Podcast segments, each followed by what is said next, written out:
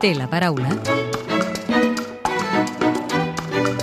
Lorena Roldán, portaveu del Partit Popular a Catalunya. Per què creu que la nova llei del català a l'escola que s'ha aprovat aquesta setmana al Parlament arracona el castellà? Bé, no és una creència. Els propis líders independentistes així ho han dit. El que pretén és blindar el català, però blindar el català suposa que el castellà no sigui llengua vehicular a les aules. I això va en contra de la sentència del Tribunal Superior de Justícia de Catalunya i, sobretot, va en contra dels drets lingüístics dels alumnes. De totes maneres, hi ha partits que interpreten que el fet que el castellà sigui definit com a llengua curricular també vol dir a la pràctica que serà vehicular. Però és que el castellà ja era, ja és llengua curricular perquè evidentment consta el currículum, el currículum acadèmic i per tant eh, dir això no té cap sentit. No? El que és important és que el castellà sigui també llengua d'aprenentatge, que precisament és el que marca la sentència, que a més a més marca també uns percentatges mínims i que diu també com s'han de vehicular aquests percentatges que ha de ser mitjançant eh, com a mínim una altra assignatura troncal. Per tant, nosaltres el que volem és que tant el castellà com el català siguin llengües vehiculars, siguin llengües d'aprenentatge i que els alumnes catalans doncs, surtin amb, amb el millor nivell de dues llengües. El seu partit ha anunciat que portarà la llei aprovada al Parlament al Tribunal Constitucional, però aquesta setmana hi ha hagut el dictamen del Consell de Garanties Estatutàries que ha determinat que la llei s'ajusta plenament a l'Estatut i a la Constitució. Confien que el Constitucional els donarà la raó? És que aquesta llei és una llei, una llei que s'ha fet ad hoc precisament per vulnerar la sentència, per no acatar la sentència. Insisteixo que no és una interpretació, sinó que ens ho han explicat així clarament els partits independentistes. Per tant, nosaltres el que no podem permetre és tenir un govern de Generalitat i uns partits que li donen suport que diuen obertament que continuaran vulnerant els drets dels alumnes, perquè no complir la sentència significa vulnerar aquests drets. I per tant, nosaltres, evidentment, defensarem les famílies, defensarem aquests alumnes davant del Tribunal Constitucional. És cert eh, que el dictamen diu que, que s'ajusta a la legalitat, perquè el problema no és el que diu la llei, el problema és el que no diu aquesta llei. Aquesta llei no parla dels percentatges, aquesta llei no respecta aquest 25% eh, com a mínim, aquesta llei no fixa el castellà com a llengua vehicular i és aquí on tenim el problema. Per tant, no és el que surt, sinó el que no surt. Creu que no es poden respectar els drets lingüístics de tots els alumnes sense fixar percentatges? És necessari fixar percentatges?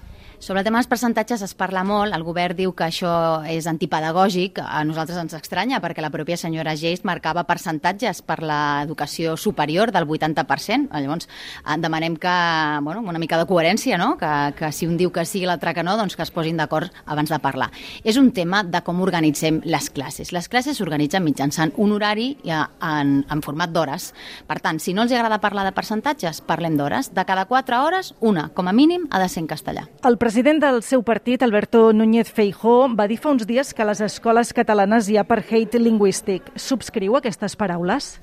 Hi ha hagut molt d'enrenou amb aquestes eh, paraules. Vaig veure fins i tot un tuit del senyor Aragonès, el president, molt ofès, però no el vaig veure igual d'ofès quan aquestes mateixes paraules les va dir eh, Joan Tardà, al Congrés dels Diputats, líder reconegut de l'independentisme i d'Esquerra Republicana, que va dir que l'estat espanyol es comportava igual que la Sud-àfrica de l'apartheid.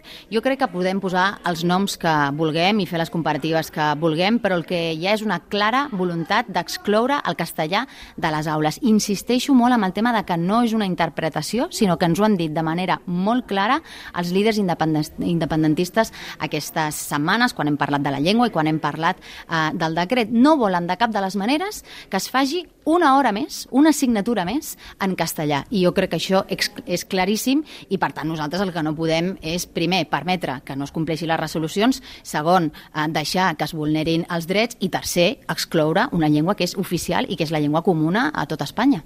Veig que ha evitat subscriure explícitament les paraules de Feijó. Mm, entenc que no comparteix potser l'expressió.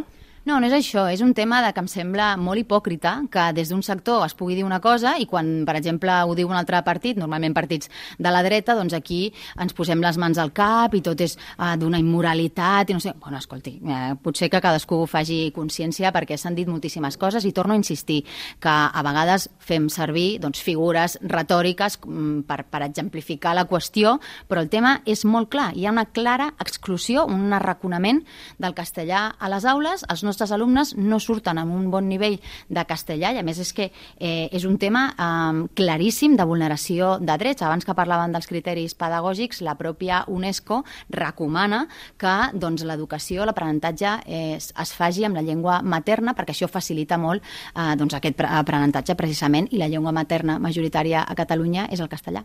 El govern de Pedro Sánchez per ara no ha mogut fitxa en tot aquest debat de les llengües. Què en pensa?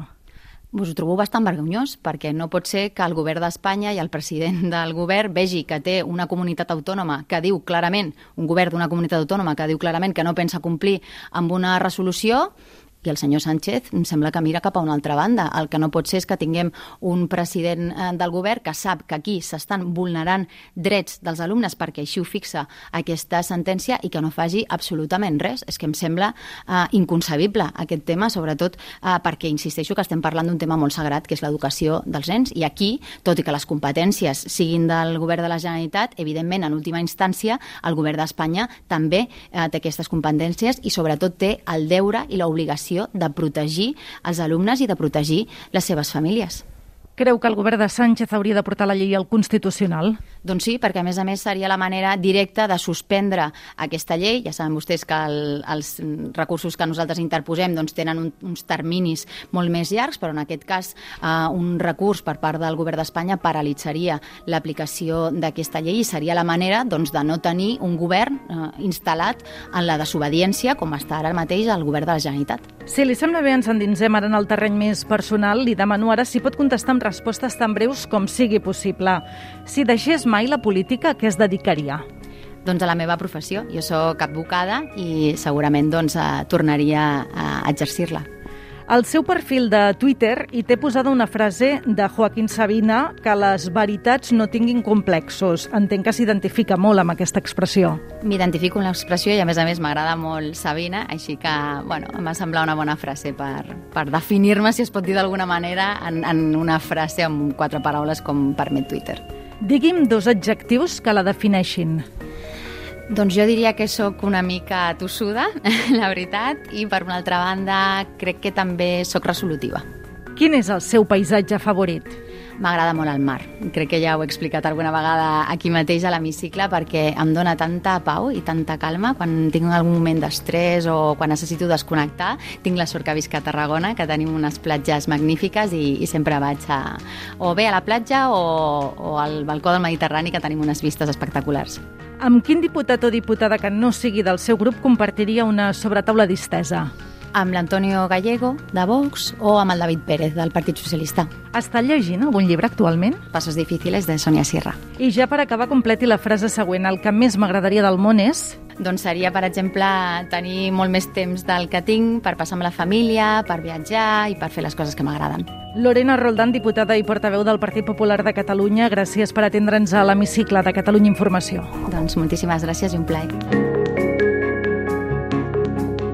Podeu tornar a escoltar l'hemicicle al web catradio.cat barra hemicicle o al podcast del programa i seguir l'actualitat del Parlament al perfil de Twitter arroba L-hemicicle.